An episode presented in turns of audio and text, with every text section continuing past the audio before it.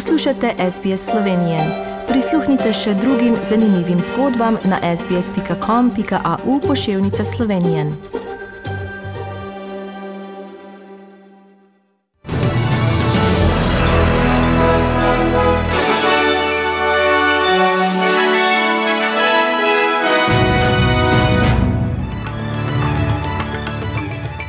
V poročilih 23. aprila 2022.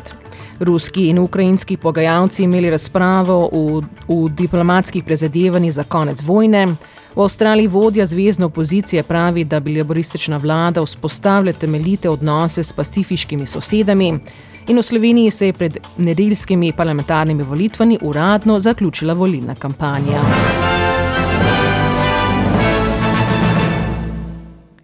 Vodja zvezdne opozicije Anthony Albanese pravi, da bi laboristična vlada vzpostavila temeljite odnose s pacifiškimi sosedami po dogovoru Kitajske Salomonovi otoki. Avstralski premier Scott Morrison pa je včeraj izjavil, da še ni govoril s svojim kolegom s Solomonovih otokov, odkar je bil podpisan varnostni dogovor. Albanezi, ki je trenutno v izolaciji, potem ko je bil pozitiven s COVID-19, je za ABC povedal, da si bo opozicija prizadevala razširiti sodelovanje s pacifiškimi državami. Toda Morrison pravi, da je bolj zapleteno in se je odzval na kritiko laboristov, da bi moral poklicati svojega kolega Salomonovih otokov. Morrison pojasnjuje. These are not simple issues. I mean, if it was just as easy as picking up the phone or sending a foreign minister, then these issues wouldn't occur. It's not that easy. And I think that analysis, which suggests that that's all was required, is simplistic and doesn't understand the complex nature of the forces that are at play here or the way that the Chinese government operates within our region and the risks that are attached to various approaches that are made. Ruski in ukrajinski pogajalci so imeli razpravo o diplomatskih prizadevanjih za konec vojne, a ruski zunani minister Sergej Lavrov pravi, da so pogajanja o končanju konflikta v Ukrajini zastala. Ni jasno, ali lahko strani oživita svoje mirovna prizadevanje več kot osem tednov potem, ko je Rusija začela svojo invazijo na Ukrajino. V začetku tedna je Moskva sporočila, da so uradniki Kremlja ukrajinski vladi predložili nov predlog, a ukrajinski predsednik Volodymyr Zelenski pravi, da ga še ni videl.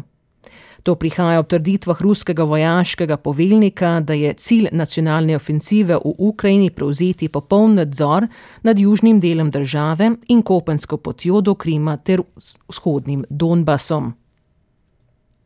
V Sloveniji pa se je pred nedeljskimi parlamentarnimi volitvami pred nekaj urami uradno zaključila volilna kampanja.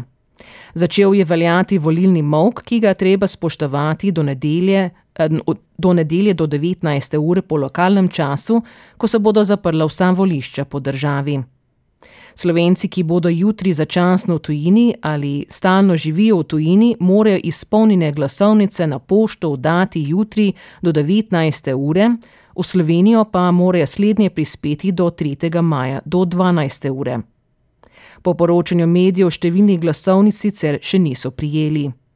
Več o zadnjem tednu kampanje pa boste slišali pozneje v poročilu iz Slovenije. Mednarodni denarni sklad Slovenije za letos pa ponovem napoveduje 3,7 odstotno gospodarsko rast, kar je 0,9 odstotne točke slabše od napovedi iz lanskega oktobra. Povprečna inflacija naj bi do letos dosegla 6,7 odstotka.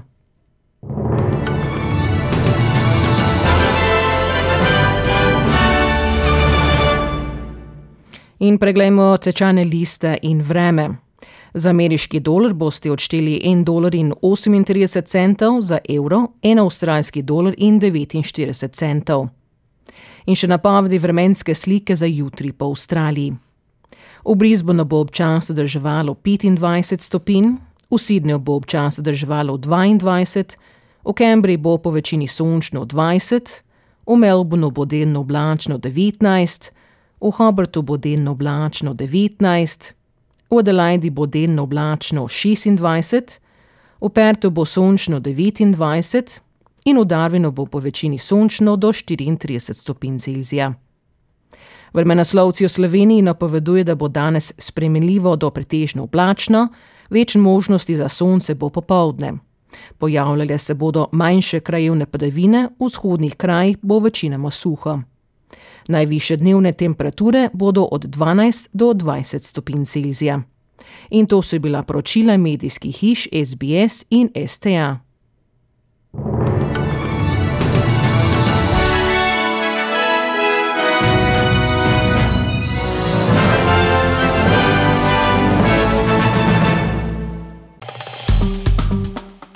Všečkaj, deli, komentiraj.